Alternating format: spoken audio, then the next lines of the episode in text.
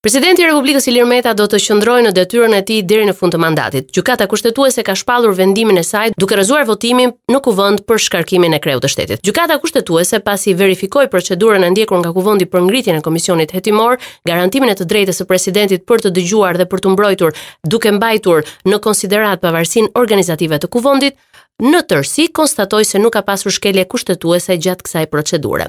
Lidhur me shkaqet për të cilat Kuvendi vendosi shkarkimin e presidentit, Gjykata Kushtetuese përcaktoi fillimisht se çfarë nënkuptohet shkelje e rëndë e Kushtetutës. Ajo vlerësoi se faktet e paraqitura nga Kuvendi nuk përbëjnë shkelje të rëndë të Kushtetutës. Gjykata ka arritur në përfundimin se faktet që lidhen me të drejtat në procesin zgjedhor, faktet që lidhen me marrëdhëniet me partnerët strategjik, faktet e paraqitura si shkelje që lidhen me pavarësinë e organeve publike dhe ato të paraqitura si shkelje e rendit dhe sigurisë publike nuk përbëjnë shkelje të Kushtetutës. Për këtë arsye, ajo e rrëzoi vendimin e Kuvendit dhe sqaroi se vendimi përfundimtar i arsyetuar do shpallet sipas afateve të përcaktuara.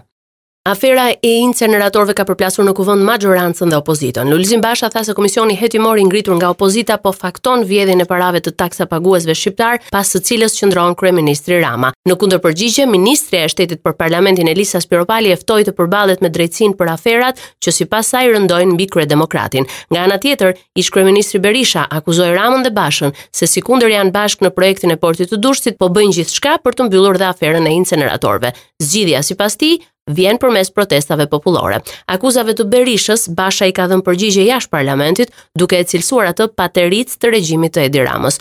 Në morinë e denoncimeve, ish kryeministri Berisha paralajmëroi publikimin e disa përgjimeve të bëra nga agjenci partnere, ku sipas tij rezultojnë të kenë rënë në grackën e aplikacionit Sky ECC ministra, prokurorë dhe gjyqtarë të përfshirë në komunikim me bandat. Debatin për inceneratorët dhe akuzat e opozitës që e konsideron aferë, kryeministri Edi Rama e quan një tymnajë që do të marrë fund. Duke replikuar me komentuesit e tij në rrjetin social Facebook, Rama thotë se akuzat për vjedhjet e miliona eurove janë shpifje politike, shifrash marramendëse. Ato të ashtuquajtura inceneratorë janë impiante moderne të trajtimit të mbetjeve, të cilat janë investime të mëdha për të shpëtuar zona të tëra të banuara nga plehrat, ndërkohë që këtu S'ka asnjë shpikje për të grabitur paratë e tua, por ka një shpifësirë politike, shifrash marramendëse dhe akuza monstruoze, ndërkohë që gangrenat mjedisore të plehrave si puna e Sharrës janë mbyllur dhe retë toksike të tymit nga djegja e tyre në natyrë janë zhdukur, ka shkruar mes të tjerash kryeministri Rama në Facebook. Për inceneratorët, kuvendi ka ngritur edhe një komision hetimor parlamentar, ndërsa po kryen hetime edhe SPAK-u. Kryeministri i vendit Edi Rama ka organizuar një bashkëbisedim me gazetarët pas një takimi që ka patur me sekretarin amerikan të shtetit Anthony Blinken. Ai tha se sekretari i shtetit konfirmoi mbështetjen për nismën Ballkani i hapur. Jam shumë i kënaqur që që administrata amerikane ka përqafuar plotësisht Ballkanin e hapur, është është Qind për qind në mbështetje Ballkanit Hapur dhe jam i bindur që në në muajt në vijim do të kemi do të kemi gjëra të reja në Ballkanin e Hapur.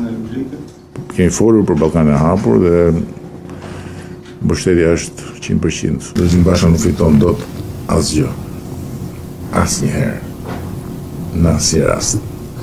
Kështu që siç ka humbur gjithmonë do t'i qëndrojë besnik profilit vet që është të humbasë përsëri. Aleanca mes atyre dyve nuk është potenciale, është reale, është në veprim.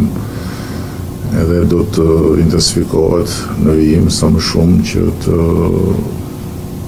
të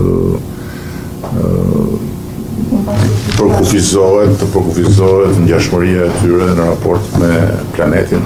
Ministria e Jashtme i ka marrë gjitha masat. Kemi disa qytetarë shqiptarë që uh, kontribuojnë në misionin e monitorimit të OSBE-së dhe do të qëndrojnë atje sepse ky është roli i misionit të monitorimit.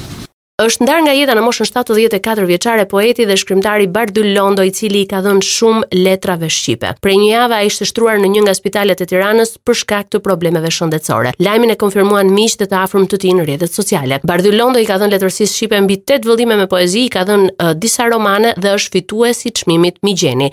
Londo i përkiste intelektualëve që ndanë gjatë gjithë jetës së tyre dhe angazhime në politikë. Për shumë vite ai ka qenë dhe deputet në Kuvendin e Shqipërisë nën logon e Partisë Demokratike. Gjykata e Tiranës ka pezulluar zgjedhjet e 2 marsit për kreun e Federatës Shqiptare të Futbollit. Sipas saj, Federata Shqiptare e Futbollit nuk mund të organizojë zgjedhjet pa u shqyrtuar të gjitha ankesat në gjykatë. Në vendimin e saj, Gjykata e Tiranës ka pezulluar edhe Komitetin Ekzekutiv të FSHF-së për zgjedhjet e 2 marsit, si dhe gjithë Komisionin e Verifikimeve në FSHF për zgjedhje. Gjykata e Tiranës thotë se zgjedhjet në FSHF do të mbahen vetëm pas vendimeve për ankesat që janë bërë në gjykatë. Çështja e zgjedhjeve rajonale në FSHF është zhvilluar në klimë tensioni me akuza dhe kundërakuza. Për këtë në Tiranë ndodhen prej 3 ditësh edhe tre zyrtarë të UEFA-s të cilët po shqyrtojnë procedurat e ndjekura. Raportoi nga Tirana për Radio SBS Gerta Heta.